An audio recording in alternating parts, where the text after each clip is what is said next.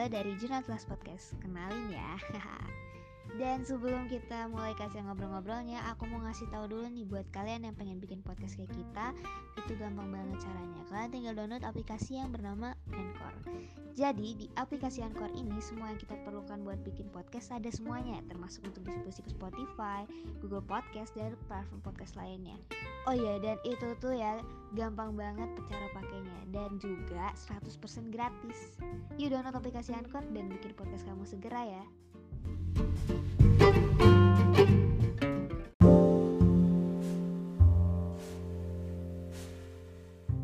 Hai, selamat pagi, siang, sore dan malam. Kalau di sini kita lagi ngetek sore ya dan hujan. Hari ini aku bareng Naura. Hai, hai, Iya, hai. hai. Hai, aku bareng Ya Naura, pasti kenal sama aku. Oh, oke. Aku Najla dan kita juga kedatangan tamu untuk spesial Hari Olahraga Nasional. Di sini ada Halo, eh, perkenalkan nama Bapak Muhammad Dendi Setiadi. Kebetulan Bapak di sini di 13 ini bergabung sebagai guru olahraga atau tepatnya guru PJOK. Sejauh ini Bapak mengajar di kelas 7. Jadi bagi kalian yang eh, di kelas 7 sekarang bertemu dengan Bapak dan kelas 7 tahun lalu juga sudah diajar sama Bapak dan kita akan sering banyak ketemu di sekolah.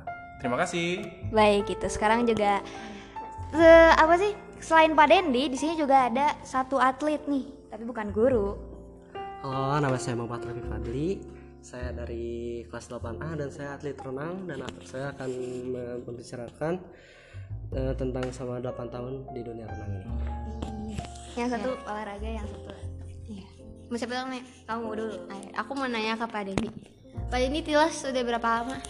Jadi apa? Jadi guru. Iya. Oke.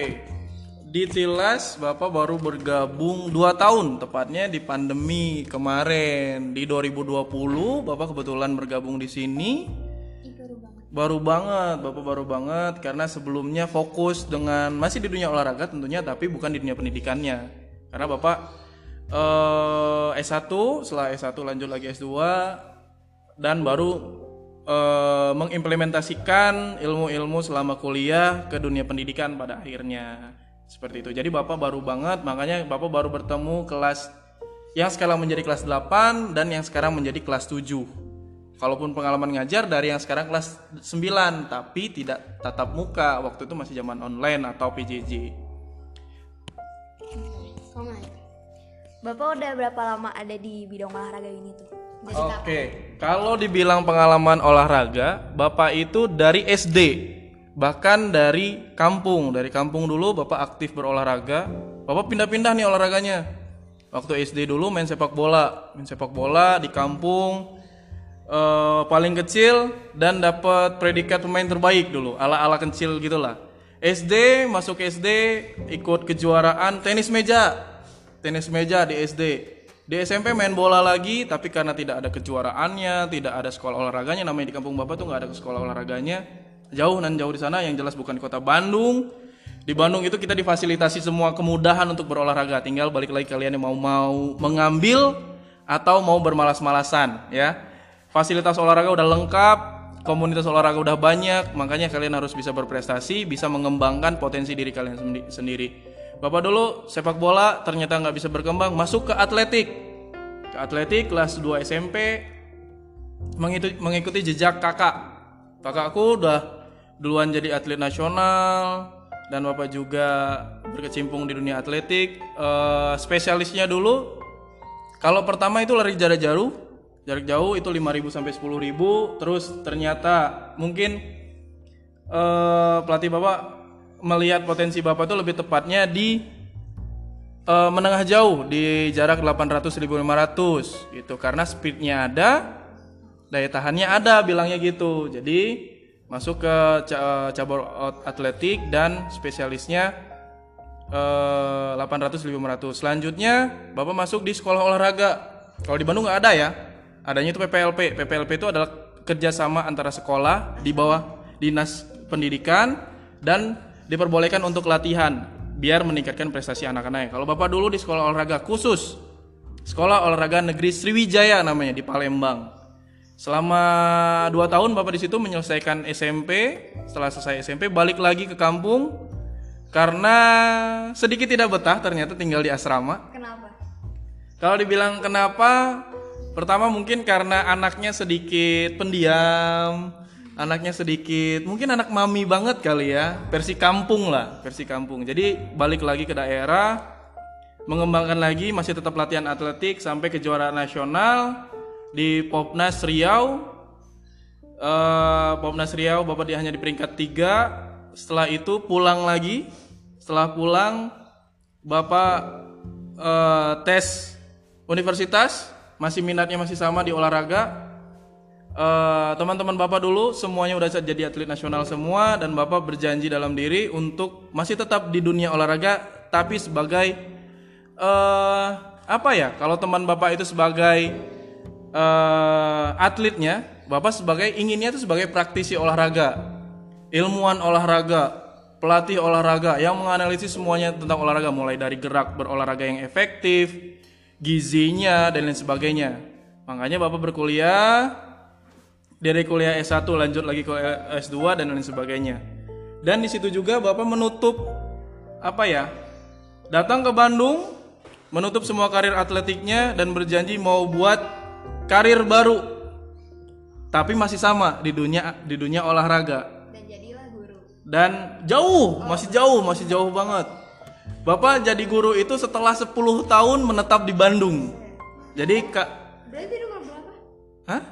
Di Bandungnya umur di Bandung dari 18 tahun. Kan usia kuliah itu 18, merantau ke Bandung. Karena dulu Bapak punya pengalaman gagal di dunia rantauan, sekarang merantau kedua jangan sampai gagal lagi. Ya kan? Motivasinya itu. Datang ke sini tidak punya siapa-siapa, tidak punya kenalan apa pun dan tidak menutup semua yang kayak atletiknya Bapak hapus semua, Bapak pengen buat semuanya baru. Masuklah ke dunia squash. Ada yang tahu squash? Nggak tahu. Squash itu olahraga eh, tenis yang dipantulkan ke dinding. Dulu itu sejarahnya adalah olahraga pemanasan ketika tenis di musim dingin. Makanya dalam ruangan dipantulkan ke dinding, satu persatu berhadapan dan bergantian memukulnya. Ternyata di squash tidak berkembang. Eh, cerita lagi lanjut ke dunia perwasitan. Sekarang Bapak menggeluti dunia perwasitan. Alhamdulillah sekarang udah di level nasional lah. Doakan semoga bisa tampil di TV yaitu di Liga 1, Liga 2, mungkin sampai liga yang lebih atas lagi. Amin. Mungkin itu se- sekilas cerita dari Bapak mulai dari SD sampai sekarang mungkin. Itu hanya sekilasnya saja. Kan Bapak rantauan nih. Berarti Hmm. asal Bapak dari mana? Asal Bapak dari kalau detailnya Bapak itu kecamatannya Lawang Kidul, Kabupatennya Muara Enim, Sumatera Selatan. Jadi eh, orang seberang, orang Sumatera. Gitu. Orang jauh, Jauh banget ya. jauh banget.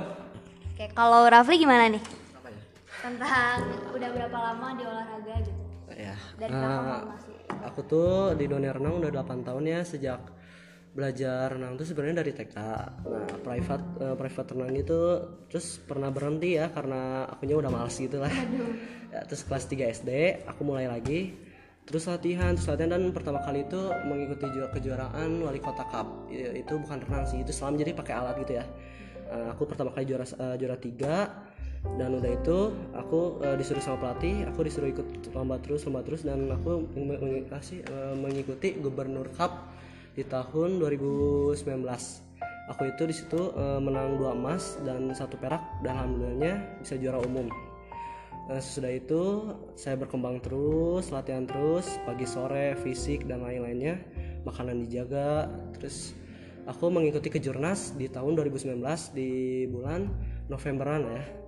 Di situ eh, pertama kali aku mewakili Jawa Barat dan di situ aku belum pernah menang dan di situ dijadiin apa pelajaran buat aku sendiri.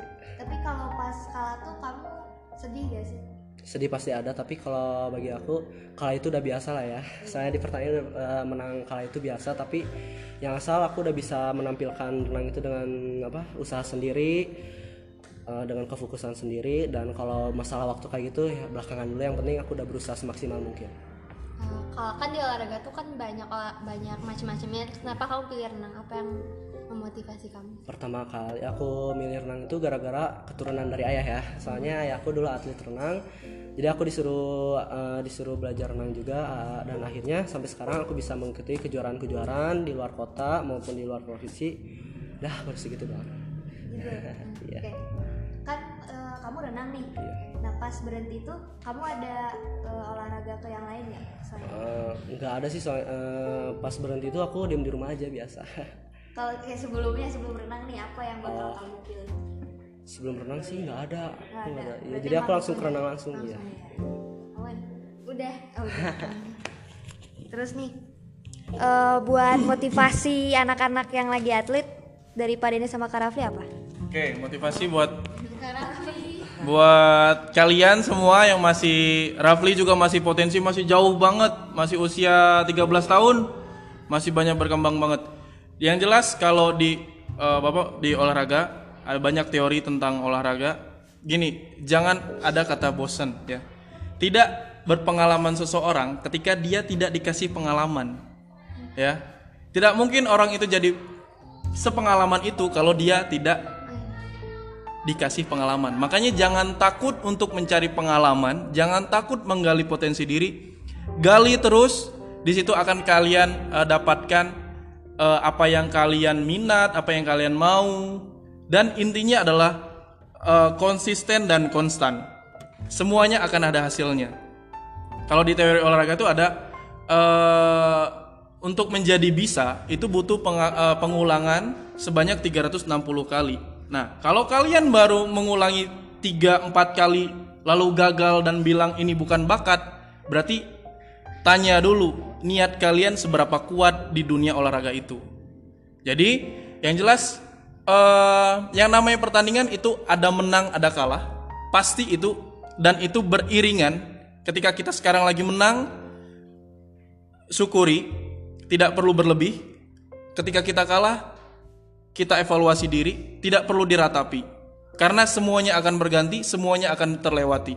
Oke, menang hari ini, besok bisa kalah. Hari ini kalah, besok bisa menang. Semuanya itu normal terjadi di dunia olahraga. Dan tidak perlu menyalahkan semua pihak. Balik lagi, latihannya, niatnya, dan fokusnya. Ditekunin lagi, dan difokusin lagi. Yang jelas gini, ada dua, dua fase, dua semester ketika kita mau sukses di dunia olahraga. Dan satu semesternya itu lima tahun. Ketika kalian belum lima tahun pertama dan udah masa bosan, cepet gali, cari yang lain. Kalau lima tahun itu kalian udah mendapat eh, yang bagus di nasional, teruskan dan konsisten, fokus untuk menjalani apa yang kalian eh, tekunin, minat, ya. Eh, Rafli ada tambahan? Di luar sana yang lagi mengejar prestasinya mau di bidang renang mau di bidang apa pun tetap semangat nggak boleh nyerah nggak boleh pantang menyerah harus tetap semangat mau menang mau kalah itu hal biasa yang diucapkan tadi Pak Dendi itu eh, benar intinya harus intinya harus semangat nggak boleh pantang menyerah eh, gapaikanlah cita-cita kalian Jadi intinya mah semangat ya. Semangat, harus semangat. Dasarnya itu adalah semangat, nggak ada lagi. aku mau nanya ke Denny Apa? Eh, kan Pak Denny tuh eh, dari kecil udah jadi yang apa moti- apa iya. Nah motivasi bapak itu apa kayak kenapa tiba-tiba kayak semangat banget buat sampai sekarang? Apa yang buat bapak? Kayak oke saya Ma, ya, olahraga gitu. ya yang tujuannya olahraga itu apa yang buat bapak? Oke, eh, olahraga eh, dan belajar itu menurut bapak sama, sama-sama. Pertama olahraga itu menghasilkan kesehatan dan belajar menghasilkan pendidikan. Dua ini adalah investasi jangka panjang banget. Kalau kalian investasi uang, besok akan kembali berbunga. Tapi kalau kalian investasi kesehatan dan pendidikan, mungkin akan dilihat atau kerasanya ketika kalian udah usia 40, usia 50, baru akan terasa. Nah, pola hidup sehat itu yang Bapak pengen jaga, Bapak pengen eh, punya badan yang sehat di usia 50. Bapak masih masih pengen bisa lari di usia 50, usia 60 masih bisa walaupun cuma hanya jogging ya, jogging. Tapi itu kan dibiasakan dari usia 20-an, belasan tahun sampai 30 30-an tahun. Itu konsisten. Kalian berolahraga sama berpendidikan. Kan ada kata-kata bijak eh, yang namanya belajar sampai akhir hayat. Nggak ada kata-kata yang namanya pelajaran yang kalian pelajari itu tidak berguna, pasti berguna karena investasi jangka panjang. Begitulah Bapak pengen menjaga kesehatan ini sampai nanti. Makanya dibi- dibiasakan dari sekarang, dari usia muda, eh, jaga pola makan, pola istirahat, olahraga teratur seperti itu. Jadi minatnya itu hanya ingin menjaga kesehatan sampai akhir hayat. Makan eh, buat yang cowok-cowok nih usia 12-13 tahun yang mulai penasaran dengan rokok sama eh, apa pun itu minum-minuman dan lain sebagainya itu nggak perlu penasaran. Ketika kalian nanti suatu saat eh, meranjak ke dewasa kalian akan tahu ber- seberapa pentingnya menjaga kesehatan. Kalau sekarang kalian berolahraga terus sambil ngerokok nggak kerasa. Tapi di kemudian hari itu adalah investasi tadi investasi jangka panjang. Dan eh, pada akhirnya akan menjadi suatu kebiasaan buat tubuh kalian tidak begitu baik di akhirnya. Jadi kalau memang kalian menjaga, eh, cinta sama tubuh kalian, tolong jaga kesehatannya dari sekarang, dari sedini mungkin. Olahraga teratur cukup sa- seminggu dua atau tiga kali cukup dengan jalan, dengan jogging, dengan main badminton, dengan renang dan lain sebagainya, dengan sepeda nggak harus lari. Semuanya yang penting aktivitas aktivitas fisik dan dibiasakan makan yang teratur, yang sehat. Apa kata Rafli tadi? Pola makannya, pola istirahatnya. Yang jelas, kalau kita nggak mau nyusahin orang di kemudian hari, jaga kesehatanmu dari sekarang. Gitu. aku Eh, kan kamu masih pelajar juga kan cara kamu bagi waktu sekolah sama renang tuh gimana ada yang kehambat gak dari kayak kamu berenang sebenarnya bagi waktu itu hmm, aku kan sekolah sekarang jam maksudnya jam 6.45 ya. Jam 6.45 kadang pulang itu kan jam setengah setengah lima ya? Eh setengah empat. Kalau nggak jam satuan ya. Aku tuh kan eh, eh, pulang sekolah istirahat udah itu makan langsung renang biasanya. Eh, karena kemudian sekarang kolamnya lagi tutup karena lagi dikuras jadi aku udah gak pernah renang lagi. Kamu latihan berapa? Eh, setiap hari sebenarnya setiap hari eh, pagi sore fisik yang kayak gitu. Tapi sekarang lagi stop dulu soalnya kolamnya lagi dikuras dan lagi ditutup nggak bisa dipakai dulu. Jadi bagi waktunya? Jadi dibagi waktunya. Ya gitu sih pasti ada rasa malasnya rasa rasa malas capek ngantuk kayak kayak gitu. tapi aku paksa terus aku semangat terus karena mm, eh, capek aku pasti terbayar insya Allah.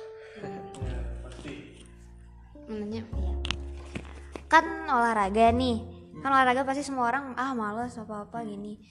Ada ada kepikiran buat nyerah nggak? Dan dari cerita Bapak kan Bapak rantauan tuh. Bapak capek nggak? Iya gitu. Rafli juga nih.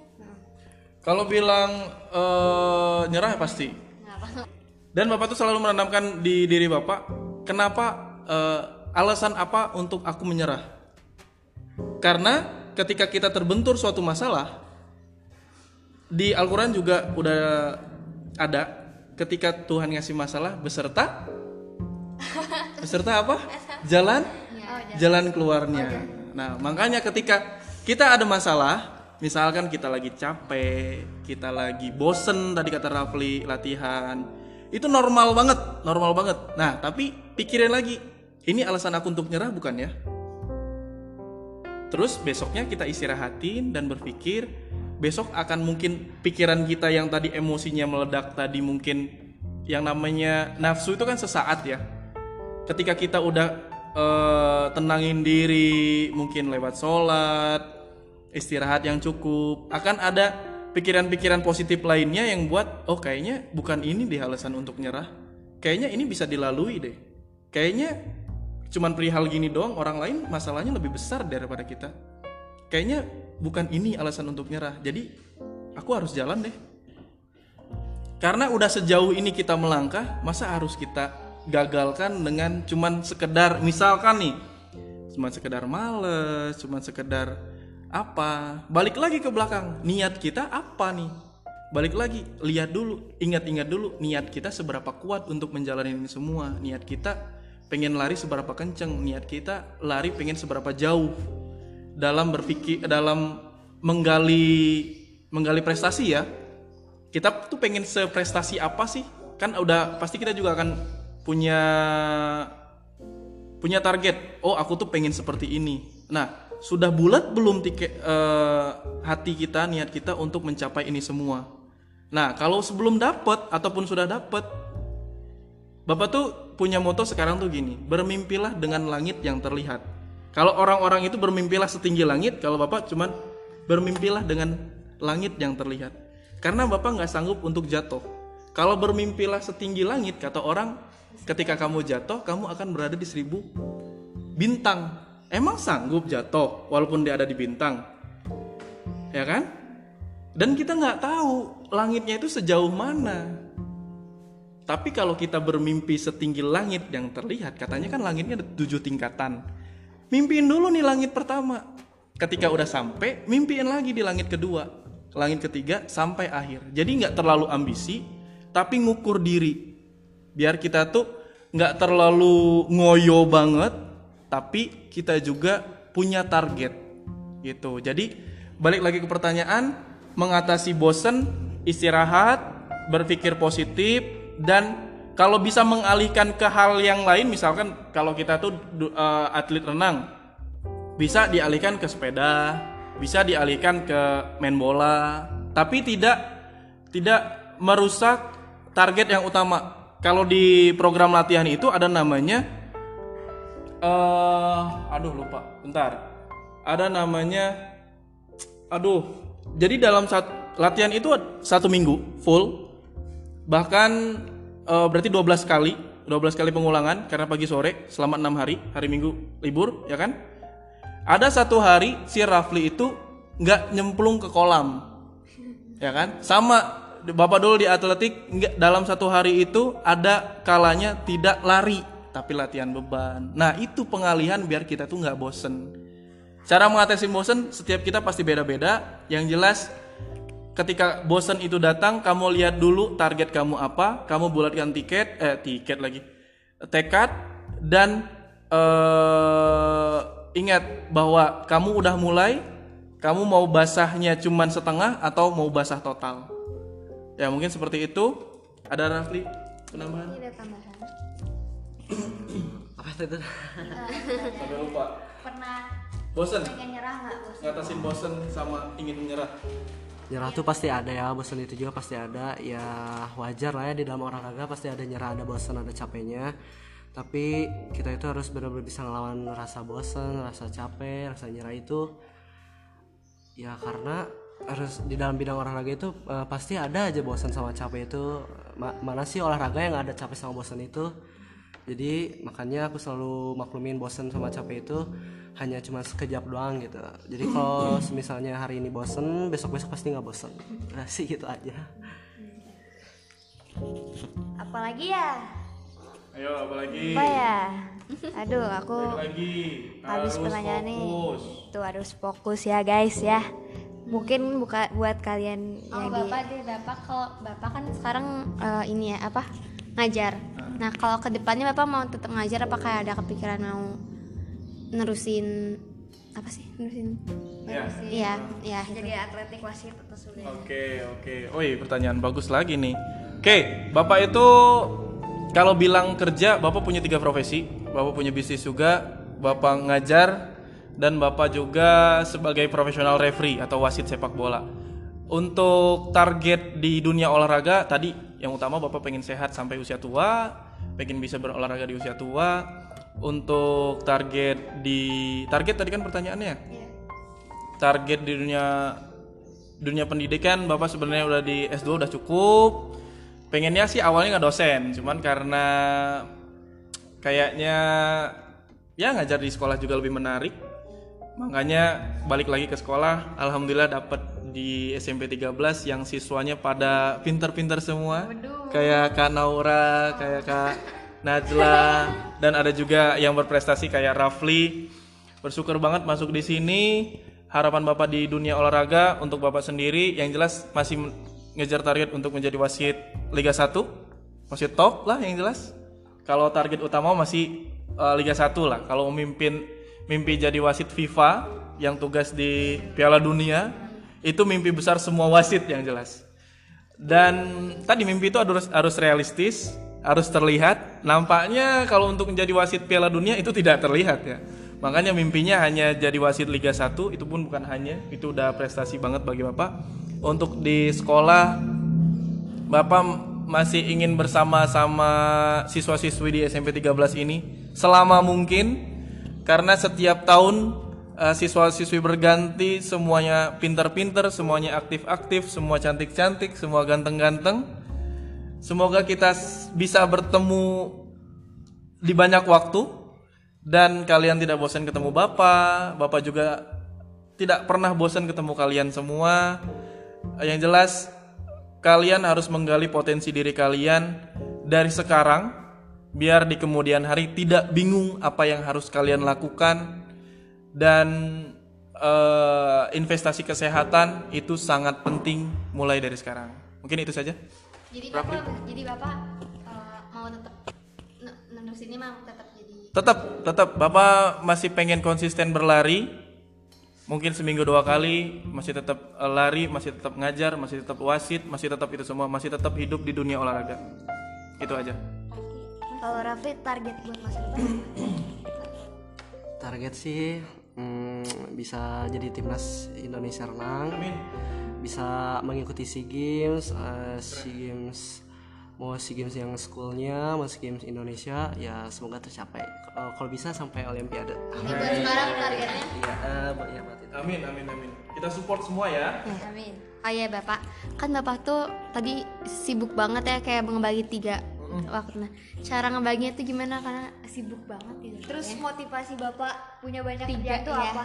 Kayak Aduh, pusing banget. Oke, eh, pertama bagi waktu itu sebenarnya tidak ada orang sibuk, ya, tidak ada orang sibuk.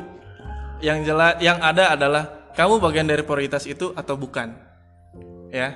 Ketika kamu udah memprioritaskan membagi eh, itu semua, kemungkinan itu eh, kalian bisa. Mungkin kayak gini kayak bapak, misalkan pagi-pagi, bapak tuh kadang berangkat jam 6 pulang sampai eh, rumah itu jam 9 sampai jam 9 harus packing lagi karena semuanya bisnis ini Bapak sendiri yang kelola, sendiri yang running, sendiri yang semuanya mulai dari penjualan, mulai dari packing semuanya sendiri masih karena memang kecil juga masih.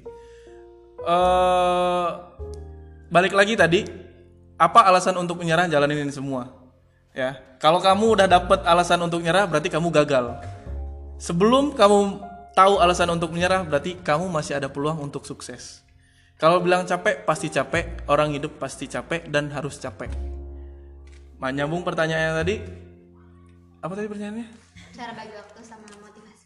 Cara bagi waktunya adalah eh dari skala tiga tadi, mana yang lebih prioritas? Prioritas pertama yang jelas Bapak ngajar karena itu sebuah profesi dan kerjaan utama Bapak ngajar, itu diutamain dulu. Selanjutnya karena ada ekstra pudingnya, ekstra pudingnya itu adalah latihan untuk wasit. Karena wasit itu kegiatannya biasanya hanya Jumat Sabtu Minggu atau satu bulan satu bulan mungkin ada hari Senin atau apa. Jadi kan itu bisa di diatur lah. Kapan kita harus nerima tugas wasit tadi? Kapan kita harus latihan? Jadi pekerjaan utama tetap ngajar. Setelah itu kita alihkan kalau memang ngajarnya udah selesai, ada waktu kayak dari jam 1 sampai jam 6 itu kan masih ada waktu. Jam 4 kita luangkan waktu untuk latihan atau sela-sela ngajar jam 9 jam 10. Kalau ada jam eh, jam kosong ngajar itu bisa latihan. Jadi di jeda Misalkan Bapak ngajar jam pertama itu kan jam 7 sampai jam 8 misalkan jam sampai jam 9. Nanti ada lagi jam 11 sampai jam 1. Nah, berarti di jeda da- antara jam 9 sampai jam 10 itu nyempatkan waktu untuk latihan. Karena balik lagi kalau Bapak itu wasit, kebutuhan wasit itu adalah lari, kondisi badan harus prima, kita harus menjaga juga harus latihan. Selanjutnya eh, ekstra puding kedua itu adalah di bisnis Bapak karena bisnis Bapak itu Bapak sendiri yang jalanin, Bapak sendiri yang muterinnya harus gimana. Jadi Bapak tahu kapan harus beli beli bahan dan produksi bapak sendiri yang ngatur. Jadi semuanya itu sebenarnya masih bapak kelola sendiri, walaupun pekerjaan utama masih tetap harus ngajar di sekolah ini. Selanjutnya apa motivasi? Motivasi kenapa sampai tiga? Kenapa sampai tiga? Pertama, sebenarnya ketiga itu tidak direncanakan karena membangun itu semua. Kalau wasit bapak udah dari 2015, sekarang berarti udah tujuh tahun. eh bisnis bapak bersamaan dengan bapak masuk ke sekolah ini? 2020 jadi baru dua tahun juga. Dan sekolah di sini juga eh, baru dua tahun. Motivasinya adalah dulu tuh bapak kerja di wasit hanya di wasit saja.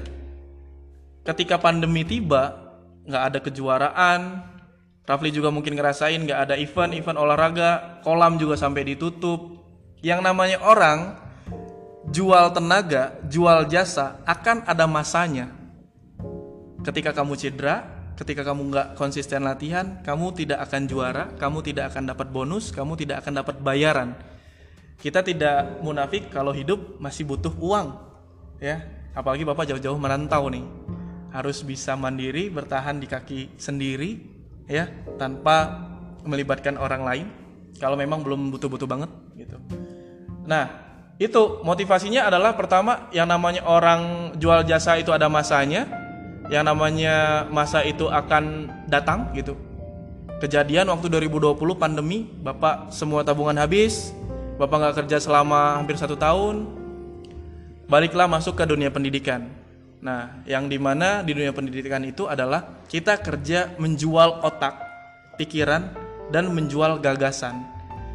Insya Allah ketika kamu jadi profesor nanti kalau ada yang keinginan jadi profesor guru besar kalian itu akan tetap dihargai sampai usia 70 tahun. Walaupun eh, badan kalian udah nggak mampu untuk berjalan tapi kata-kata kalian pikiran kalian akan tetap dihargai oleh orang lain. Ah segitunya. Segitu bapak pengen eh, apa ya pengen investasi di dunia pendidikan dan dunia kesehatan itu. Karena bapak pengen hidup lebih lama bikin pengen berguna lebih lama untuk orang banyak gitu. Jadi motivasinya itu adalah pertama mandiri dan ya bertahan hidup. Di dunia rantauan ini kalau nggak nggak bisa mandiri ya nggak bisa bertahan hidup. Ya seperti itu. Rafli atau ada tambahan Eh, kan udah lama juga nih Bapak sama Rafli di bidang olahraga. Apa apa ya ini istilahnya? Ada nggak hmm, pengalaman terburuk dan terlucu selama berolahraga dari Rafli? Rafli dulu. Ah, terburuk aku ya waktu renang aku jelek dan sekarang juga lagi agak turun ya soalnya renangnya nggak tahu kenapa Eh, apa biasanya aku jadi jelek eh, targetnya kadang suka kena kadang enggak maupun di mau- maupun di latihan maupun di lomba. Jadi setiap latihan tuh beda dengan 2020 2021 latihannya. Eh, soalnya sering lemes sering capek bosen bad mood terus ya eh, moodnya selalu berubah-berubah mood swing mungkin bisa disebut. Dan yang hal yang terlucu aku itu waktu itu pernah lomba di Sumedang di kolam mana ya? ada lah di Sumedang itu. Terus aku itu kan pakai celana dan aku celananya lupa ditaliin terus pas start pas masuk ke dalam celana aku melorot untungnya aku di situ belum ngerti apa-apa dan itu masih masih kecil. Itu yang paling nggak bisa dilupain. Kalau Bapak? Kalau pengalaman pengalaman ini dulu pengalaman sebagai atlet yang kurang enak di hati. Bapak tuh dulu pernah juara tiga, tapi datang ke sekolah nih, sekolahan yang dulu datang ke sekolah laporan dan dibilang ah kamu mah gak punya mental. Itu yang ibaratnya nonjok banget lah. Karena karena bukan pun karena juara tiganya ya, karena story di balik itu. Pertama Bapak tuh semua dilakukan sendiri. Itu adalah Popnas di Popnas. Bapak itu adalah Ya, sedikit berisik biasa ya. Bapak itu statusnya adalah atlet tambahan. Dan di Popnas itu Bapak di posisi 3. Atlet tambahan itu adalah Bapak datang sendiri ke ke Palembang untuk tes, karena yang lainnya udah masuk ke tim bapak atlet tambahan eh, pengajuan diri untuk tes sendiri tanpa kontingen tanpa didampingin pelatih sendiri hanya sendirian dari dari daerah sekitar lima jam perjalanan ke kota provinsi Eh, hari itu belum ada keputusan bapak pulang lagi. Minggu depannya datang lagi untuk tes lagi. Semuanya dilakukan sendiri dan statusnya adalah atlet tambahan. Dan di situ bapak berusaha berjuang. Ketika pulang yang pihak sekolah tidak tahu perjuangan semuanya dilakukan sendiri itu pihak sekolah bilang ah kamu mah mentalnya kurang. Yang ngebuat itu Buat kayak yang- kurang tuh karena apa bentar ada orang tua. Bu bentar Maaf ya tadi ada iklan itu ya itu. Lanjut. ya kenapa itu Purwi bisa ngomong kayak gitu Oke, kenapa seperti itu? Ya mungkin eh, nggak tahu kondisinya, nggak tahu kondisi. Ya, bapak bilang perjuangan bapaknya, terus di sana juga, ya, ya nggak tahu lah alasannya seperti apa sampai harus ngejat seperti itu. Karena yang bapak rasa, aduh, bi- dibilang seperti itu, rada, rada kena, rada mental juga jadinya ya. Iya. Ibaratnya kalau harus ngomong kotor aku juga sakit sih Iya. kok segitunya udah mah gini dari sekolah se- sebenarnya kan memang dianggap sepele aja bapak tuh sering banget dianggap sepele makanya semuanya itu bapak berjuang sendiri sampai ke sini juga kan sendiri mulai dari pihak sekolah itu kan bapak seleksi ke nasional ke provinsi. Ke provinsi buat yang ke nasional. Bilangnya kayak gini cuma waktu pisahan. Oh mau tes ya? Oh nggak eh, belum tentu lulus juga kan? Oh dari awal. Dari awal tuh udah gitu. Oh ya udah. Nih dikasih uang transport 30.000 ribu apa ya? Zaman itu 30.000 ribu tuh masih sangat kecil lah sama lah kayak sekarang mungkin pulang laporan. Pak finish di tiga. Ah kamu mah Eh, mentalnya jelek. Kalau itu tuh kayak udah berjuang banget. Aduh kayak yang ya oke mungkin memang mentalku jelek. Terima kasih banyak. Tapi kan nggak harus disampaikan sekarang juga. Aku ini beres kalah loh. Masa harus langsung dikasih ditonjok gitu kan? Ibaratnya gitu selebihnya pengalaman menarik di wasit yang jelas di wasit bapak pernah dikepung satu kampung pernah wah kenapa karena dulu mewasitnya di daerah Indramayuan, daerah Indramayu di daerah Losarang. Bapak waktu zaman KKN 2015 Bapak KKN bukan desa penari ya. Karena nggak ada yang nari juga di sana. Eh Bapak ngasih keputusan, tit, karena di situ tuh ternyata eh kampung itu sepak bolanya itu kental banget. Dan sedikit dunia bukan perjudian taruhannya itu kental banget nih. Nah bapak memimpin suatu pertandingan setelah itu bapak kasih penalti. Setelah penalti itu masih terima dua tim. Dan terjadi gol setelah jadi gol itu ada satu orang protes gitu kan sampai masuk ke lapangan nyamperin bapak. Anak kecil ah anak kecil kalaupun dia mukul masih berani pukul-pukulan ya enggak di belakang anak kecil itu satu rombongan semuanya masuk dan akhirnya itu ribut antar warga. Jadinya ribut antar warga dan pertandingannya itu tidak selesai, kejuaraannya pun tidak selesai. Karena itu adalah ribut yang ketiga kalinya. Pesan dari Pak kepala desanya, kalau kalian ribut, ini dibubarin, benar bubar. Jadi ada kejuaraan yang nggak ada juaranya, yaitu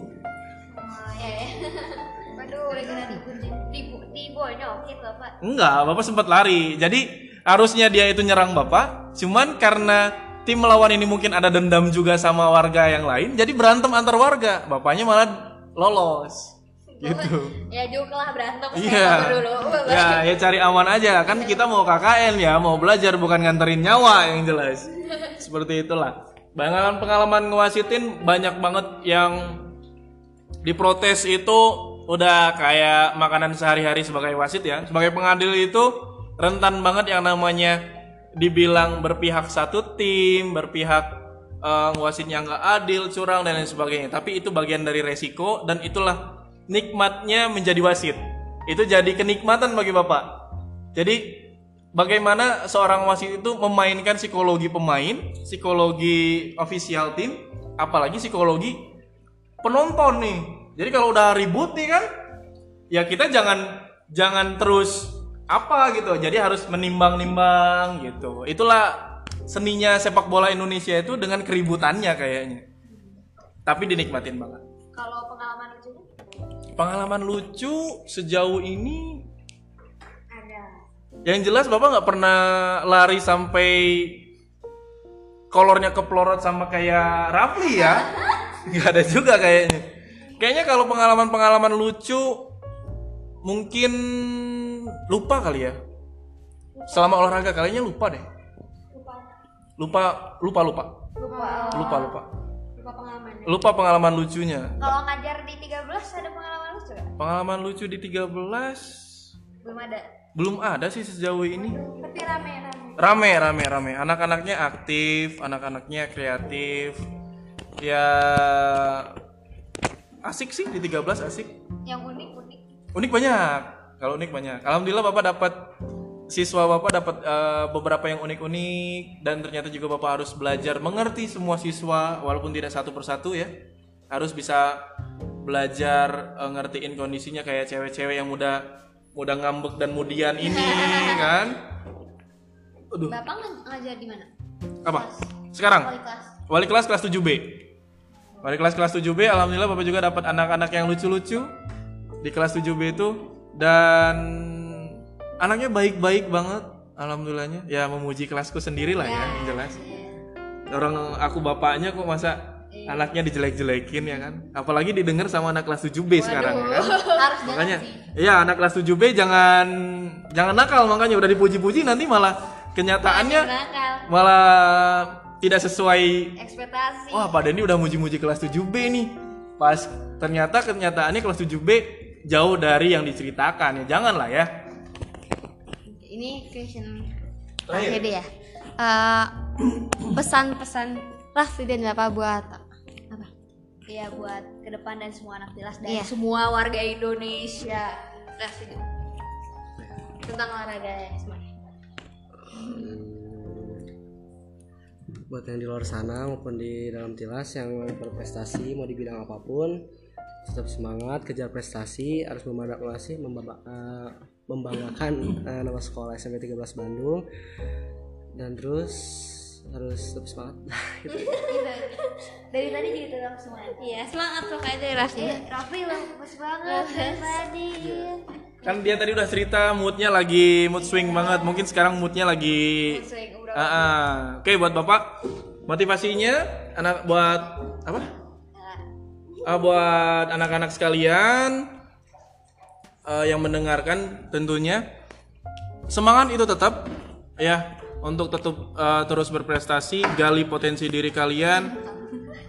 Eh, kalian itu di fase atau di usia sekarang yang penasaran-penasaran nih, remaja awal nih, penasaran-penasaran banget, alihkan penasaran kalian ke hal-hal positif. Olahraga, musik, seni dan lain sebagainya. Yang eh, minatnya ke dunia belajar, tekunin terus. Kalaupun sekarang belum ada hasilnya, itu tadi. Pendidikan dan kesehatan itu adalah investasi jangka panjang banget. Yang jelas, kalian belajar membaca sekarang tidak langsung kepakai, tapi akan berguna di kemudian hari. Walaupun kalian bilang, ah pelajaran olahraga itu nggak penting. Iya, nggak penting mungkin. Tapi untuk membina kesehatan, untuk investasi jangka panjang, dia rasanya di kemudian hari. Yang jelas, tidak ada orang berpengalaman tanpa dikasih pengalaman. Ya, jadi kalau kalian ingin berpengalaman, harus cari pengalaman, harus gali potensi diri. Yang paling penting harus konsisten dan konstan. Ya, tahu bedanya konsisten dan konstan kan? Cari sendiri kalian. Oke? Mungkin segitu aja ya dan maaf kalau kita rada la- dan tadi aku ada satu pertanyaan yang nggak jelas. Dan banyak iklan juga tadi. Iya banyak iklan juga dan mungkin cukup segitu aja dari kita. Apalagi udah Udah. ya sampai Puas. ya semoga puas dan Semoga semoga, tidak puas dong. Jangan dong. Karena kita bukan alat memuas. Oh, oh, oke. Oke. Jadi dadah dan jangan Ini penutupannya Oh iya, lupa. Jadi di ritual penutupan podcast itu masing-masing dari tamu dan dan Narasumber. si iya dan, dan MC-nya harus mengatakan IG-nya Oke, pansos. Jadi IG aku Nana Zlut pakai underscore. aku masih sama Nawara MRT Zita. Bapak belum follow aku tau. Aku Rafli Fadli, tapi Fadlinya di FDHL ya. Disingkat. Kayaknya Pak Deddy mah tuh banyak followers deh. Kalau Bapak pengennya sih cuman Dendi doang, cuman karena susah, nggak ada, nggak bisa. Jadi underscore-nya sampai tujuh kali baru Dendi. Make Y, iya. Underscore-nya sampai tujuh kali karena itu syarat di IG-nya ya. Karena pengennya awalnya cuma Dendi doang. Mungkin udah dipakai sama orang lain, ya. Karena nggak mau pengen simpel aja. Underscore-nya tujuh kali. Underscore-nya sampai tujuh kali Dendi. Kalaupun kalian ngetik Dendi juga udah pasti ketemu. Ya. Sementara Bapak I- eh, IG-nya itu di privat karena kemarin ada sedikit masalah dengan sosial media. Bapak nggak mau eh ya ada beberapa serangan lah. Jadi Dendinya pakai Y dan underscore-nya sampai tujuh kali. Oke, bukan alay, cuman karena pengen simple. Bentar, bentar, aku ingat. Bapak kan M Dendi. Ah. Katanya bukan Muhammad, M doang. Ya betul. Nama bapak tuh M Dendi Setiadi. Di akte sampai sekarang ijazah S2 juga M Dendi Setiadi aja. M doang. M dong. Nggak ada Muhammad, Ma apa gitu. Ya walaupun niat orang tua semuanya pasti Muhammad ya. Tapi itu M doang. Ih, kok bisa sih kayak M? M titik Dendi. Oke. Oke, jadi segitu aja. Dah, dadah. Ketemu di Dan- podcast selanjutnya. Iya. Dadah. Ntar kita tipsen. Pasti kalian suka tipsen kan? Dadah. Dadah. Dadah. Dadah. Dah, dadah. Thank you.